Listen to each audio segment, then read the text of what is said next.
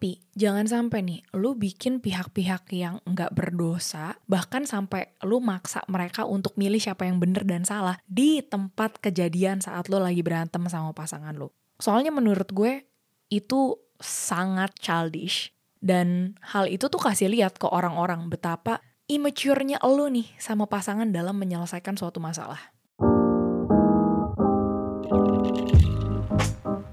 Jadi, di hari Rabu ini gue sempet ngebuka sesi diskusi sehat atau biasa yang gue sebut disikat gitu ya di Instagram story-nya Abjad Tersirat dengan pertanyaan Pernah nggak lo berada di posisi awkward karena punya temen yang berantem sama pasangannya di depan lo? Atau mungkin lu yang malah pernah berantem nih sama pasangan lu di depan banyak orang.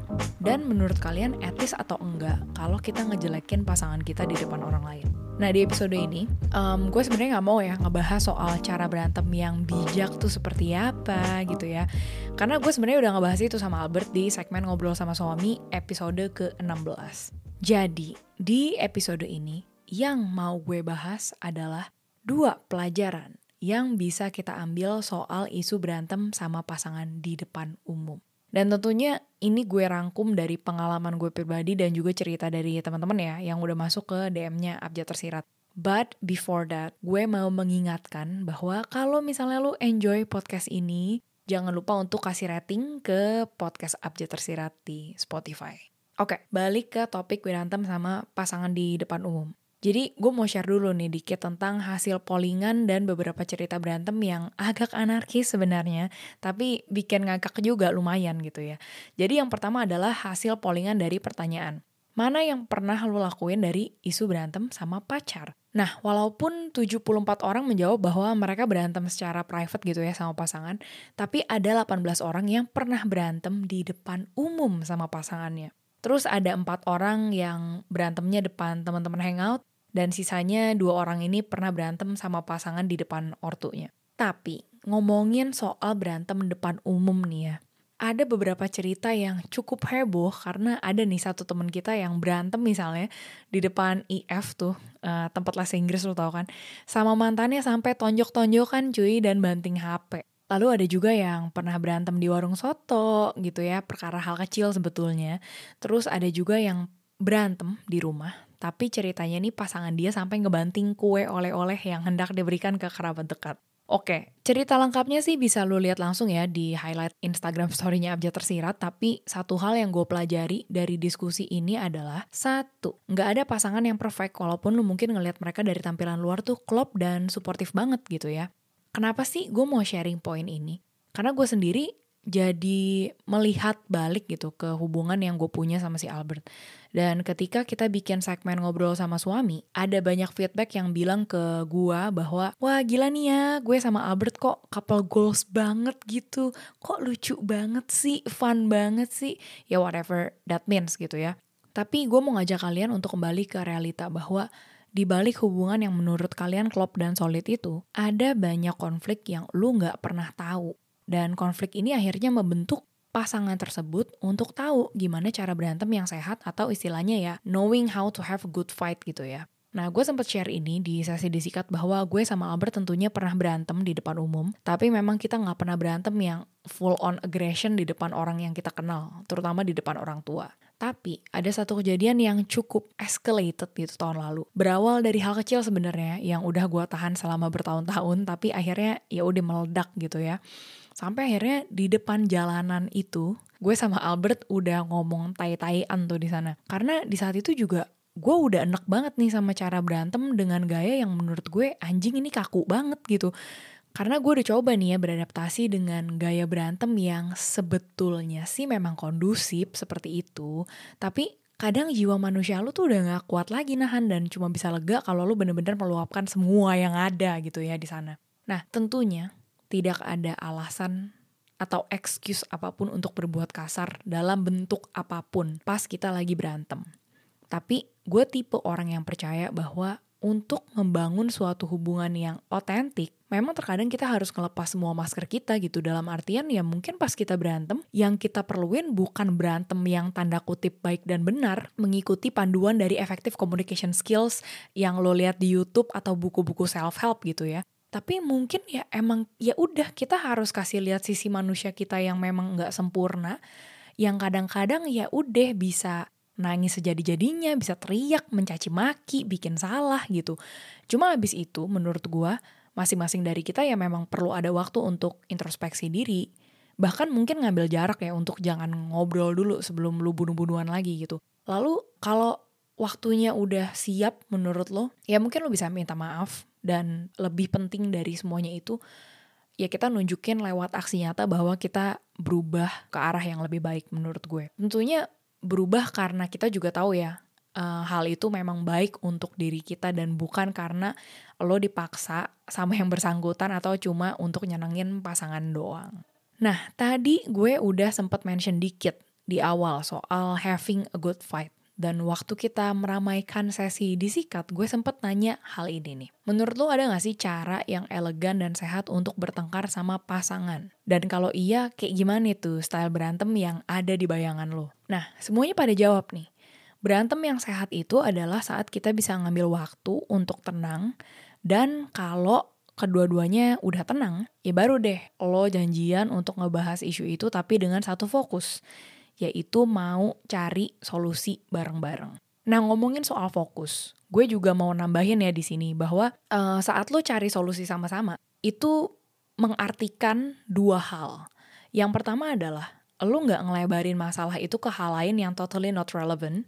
Dan yang kedua adalah jangan bikin orang lain yang tidak berdosa jadi keikut di masalah kalian berdua. Apalagi kalau kalian bawa-bawa orang hanya untuk cari pembelaan. Oke, di sini gue mau jabarin dulu apa yang gue maksud dari kedua hal ini. Yang pertama, ini nih baru banget nih kejadian sama gue dan sebut aja kedua temen gue juga gitu ya, yang bernama uh, Nurul dan Wati gitu. Singkat cerita, si Nurul nih ketahuan selingkuh sama pacarnya di kala itu.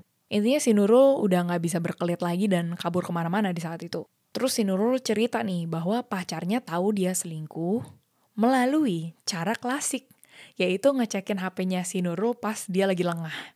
Ya udah dong, dikonfrontasi seancur-ancurnya tuh sama pacarnya.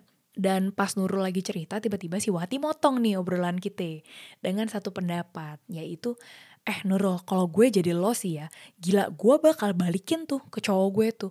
Lu juga ngapain cek handphone gue diem-diem kayak gitu? Lu tuh juga udah kurang ajar ngelanggar privasi gue, bla bla bla bla bla gitu kan ya. Nah, di situ gue sama si Nurul nih udah lihat-lihatan nih karena kayaknya respon gue menurul sepertinya sama gitu ya. Yaitu, kalau lu salah dan udah ke gap sampai separah itu, bahkan orang yang bersangkutan aja lagi ngebeberin semua buktinya nih ke depan muka lo nih ya. Ya udah lu ngaku aja salah gitu di mata gue. Karena semakin lu kabur dengan ngelebarin masalah itu ke hal lain yang sama sekali tidak relevan. Ya malah lo aja gak sih yang kelihatan makin goblok gitu maksud gue ya udah akhirnya singkat cerita nih ya. Gue speak up my mind ke si Wati di saat itu juga dan walaupun dia masih ngotot dengan statement ya tetap nggak bisa dong ya tetap nggak bisa dong gitu ya. Akhirnya dia kicep juga karena si Nurul in ya nggak kabur gitu dari masalah itu saat dikonfrontasi dan dia bilang ke pasangannya bahwa yes yang lu lihat itu semuanya benar oke? Okay? gue ngaku salah gue udah selingkuh. So endingnya si Nurul gimana lu kagak perlu tahu. Tapi Poinnya adalah, berapa banyak sih dari kita yang kalau udah bikin salah, tapi kita masih punya mindset kayak si Wati nih. Dan ini juga termasuk gue ya, karena for sure gue pasti pernah defensif dan malah ngelebarin masalah uh, yang harusnya diomongin A gitu ya, tapi malah ke hal yang lain gitu. Jadi menurut gue, bikin salah aja kan udah malu ya. Terus berantem pakai acara konfrontasi itu kan juga udah melelahkan banget seperti nonton debat politik gitu. Jadi might as well kita ngeringanin semuanya ini nih dengan mengakui aja udah kalau kita salah dan fokus untuk nyelesain satu isu itu. Walaupun itu pastinya akan mengikis rasa gengsi dan ego kita sebagai manusia. Nah, penjabaran yang kedua adalah soal mencari pembenaran atau pembelaan dari orang-orang terdekat pas lo lagi berantem sama pasangan. Ini khususnya ketika lo berantem sampai ngebawa-bawa ortu, anggota keluarga, ataupun teman-teman baik lo. Ya kalau soal ini sih cukup straightforward ya menurut gue. Karena pastilah ada momen di mana kita mau cari pembenaran gitu ya dengan cara curhat ke orang-orang sekitar. Tapi jangan sampai nih, lu bikin pihak-pihak yang nggak berdosa, bahkan sampai lu maksa mereka untuk milih siapa yang bener dan salah di tempat kejadian saat lu lagi berantem sama pasangan lu. Soalnya menurut gue itu sangat childish. Dan hal itu tuh kasih lihat ke orang-orang betapa immature-nya lu nih sama pasangan dalam menyelesaikan suatu masalah. Nah, hopefully sih ya, stage ini terjadinya di masa pacaran. Biar lo sama pasangan bisa ada bayangan nih. Kira-kira nih kalau kita masih pacaran aja berantemnya sampai pakai ngadu ke layanan pengaduan konsumen gitu. Gimana nih nanti nih pas kita udah nikah? Karena masalah ketika lo nikah, itu tuh udah another level banget. Dan kita sama pasangan butuh certain maturity level untuk bisa ngeberesin masalah tanpa ngebawa-bawa rakyat setempat. Kecuali nyawa lo terancam ya karena pasangan lo mau ngecelakain lo gimana gitu.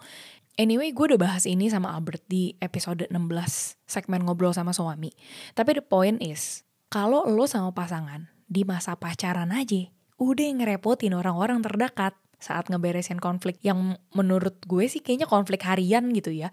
Nah mending mikir lagi tuh seribu kali sebelum lo mutusin untuk nikah. Karena ya biaya cerai, apalagi untuk bayar pengacara, bla bla bla gitu, itu jauh lebih mahal dibanding gengsi Anda untuk mempertahankan hubungan tersebut. Dan kalaupun lu udah nikah gitu ya, tapi masih ada fase berantem yang kayak begini, saran gue sih lu jangan punya anak dulu gitu. Masa nanti kalau lu berantem anak lu yang umur 5 tahun ini harus menjadi saksi dan harus milih gitu. Ini siapa yang salah, siapa yang bener. Kan maksud gue goblok banget gitu ya. Tapi kalaupun lu udah kadung punya anak, ada baiknya sih lu inisiatif sekarang untuk cari bantuan profesional atau buku self-help apa pun itu ya untuk ngebantu lu dalam isu ini. Jadi, conclusionnya adalah satu, nggak ada pasangan yang perfect. Karena pasangan seklop apa pun yang lu lihat dari luar, itu pasti, pasti, pasti pernah berantem dengan cara yang agak anarkis. Sayangnya mereka nggak kasih tau lu aja dan mereka pun emang nggak ada keharusan untuk update itu ke lu sih. Jadi, pada akhirnya semua hubungan itu perlu effort.